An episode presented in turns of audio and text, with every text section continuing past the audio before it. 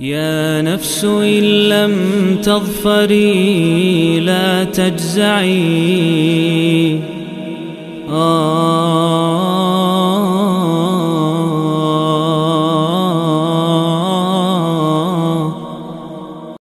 Bismillahirrahmanirrahim Alhamdulillah Wassalatu wassalamu ala rasulillahi wa ba'du Para hadirin sekalian Teman-teman yang dirahmati Allah Kita akan memulai InsyaAllah serial 114 hari Menyambut Ramadan Setiap harinya InsyaAllah one day one surah Kita akan tafsirkan secara ijmali Secara global Surat-surat dari Al-Quran Al-Karim Sampai dari, eh, dari Al-Fatihah sampai An-Nas dan kita mulai hari ini dari surat Al-Fatihah, surat yang pertama.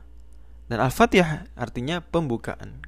Wajar disebut demikian, hubungannya adalah karena Al-Fatihah membuka Al-Quran.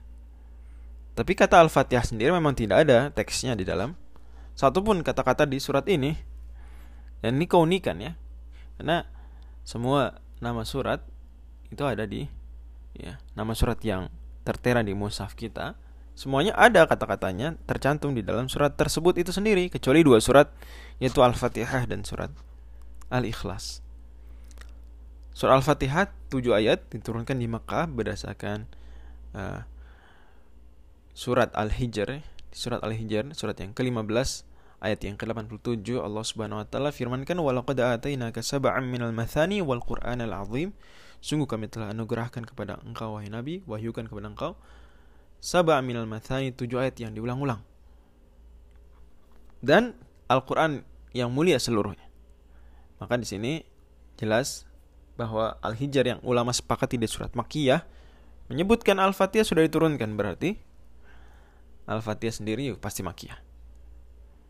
Dan uh, surat Al-Fatihah sendiri turun memang urutannya urutan yang kelima dari daftar turun surat-surat Al-Quran yaitu turun sebagian surat Al-Alaq, kemudian turun sebagian surat Al-Qalam, kemudian turun sebagian surat Al-Muzammil, kemudian turun sebagian surat Al-Mudathir, kemudian baru yang kelima turun utuh surat Al-Fatihah dan dia surat pertama yang turun langsung utuh seluruh ayatnya. Ya, dan jarang yang seperti itu hanya 11 surat saja yang turun utuh sekaligus langsung satu surat. Dan kita bisa paham bahwa sab'an minal mathani di uh, surat Al-Hijr tadi adalah Al-Fatihah karena Nabi SAW bersabda dalam hadis riwayat At-Tirmidzi menjelaskan wahiyya sabaul mathani. Al-Fatihah lah sabaul mathani. Ummul Quran wahiyya sabaul mathani. Uh, surat ini Nabi SAW sebut sebagai surat termulia dalam Al-Quran. Sebagaimana hadis yang terkenal Nabi SAW bersabda dalam hadis yang diriwayatkan Imam Al-Bukhari la u'allimannaka suratan hiya a'zamu suwari fil Qur'an. Alhamdulillahirabbil alamin hiya sab'ul mathani wal Qur'anul azim alladzi utitu. Di sini jelas Nabi Shallallahu alaihi wasallam menyebutkan aku akan mengajarkan kepada engkau wahai Abu Sa'id surat yang ia merupakan surat teragung dalam Al-Qur'an surah Al-Fatihah. Di surat Bukhari.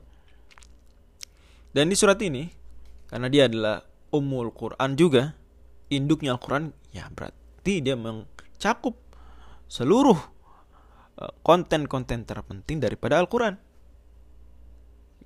Kita semua tahu bahwa konten terpenting Al-Quran tiga kelompok besarnya, yaitu akidah, syariah, dan kisah. Akidah berarti hal-hal terkait dengan rukun iman yang enam Iman kepada Allah, iman kepada malaikat, kepada kitab suci, kepada para nabi dan rasul Kepada hari akhir dan kepada takdir Kemudian syariah mencakup pembahasan-bahasan hukum fikih iba, uh, baik ibadahnya, kemudian muamalah jual belinya dan sejenisnya, kemudian munakahah terkait hubungan keluar, uh, keluarga, pernikahan dan seterusnya, kemudian hukum-hukum pidana, hukum-hukum uh, politik, hukum-hukum beragam hukum-hukum ya. Akhlak pun termasuk pastinya hukum makan minum ya peradilan seperti itu ini syariah. Kemudian bagian besar ketiga adalah kisah. Kisah yang sudah terjadi. Baik orang soleh maupun yang bukan soleh. Nabi maupun yang bukan nabi. Kisah yang ongoing di zaman Nabi SAW sedang terjadi dan kisah yang belum terjadi akan terjadi. Al-Fatihah menyebutkan itu semua secara global. Akidah kita bisa lihat di ayat 1 sampai ayat 4 Allah sebutkan tentang ya bahwasanya dia sajalah yang uh, mencipta, dia sajalah yang Rob ya dan segala sesuatu yang menghidupkan mematikan. Dia jugalah satu-satu yang berhak ya diibadahi.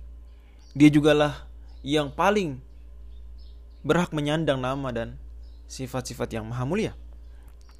Hanya dialah. Ini semua. Ayub itu akidah. Kemudian syariah ada di ayat 5 dan ayat 6. Iya karena budu iya karena stain. Ihdinas siratal mustaqim. Allah pun di sini mengisyaratkan pentingnya apa? Bahwa syariah itu menyatukan umat. Maka dengan iya karena budu, iya karena stain. Pentingnya ibadah, pentingnya isti'anah, dan bahwa ibadah yang merupakan kewajiban hamba wa ma khalaqtul jinna wal insa illa liya'budun surat 51 ayat 56 itu dikedepankan daripada hak mereka yaitu wa iyyaka nasta'in memohon pertolongan pada Allah Subhanahu wa taala. Dan kemudian kita diajari bahwa doa yang merupakan bagian penting dari syariah doa termulia adalah doa meminta hidayah. Ihdinas siratal mustaqim. Dan tidak sembarang hidayah tapi hidayah jalan yang lurus. Dan bukan berarti orang Islam minta berulang-ulang hidayah, kemudian ternyata belum dapat hidayah sampai harus minta berkali-kali. Oh tidak. Karena hidayah butuh untuk diminta agar teguh terus. Karena hidayah tidak sebatas masuk Islam. Juga hidayah untuk terus beramal soleh, hidayah meninggalkan dosa dan maksiat. Hidayah untuk terus ya menyembah Allah Subhanahu wa taala. Kemudian kisah terakhir. Ya.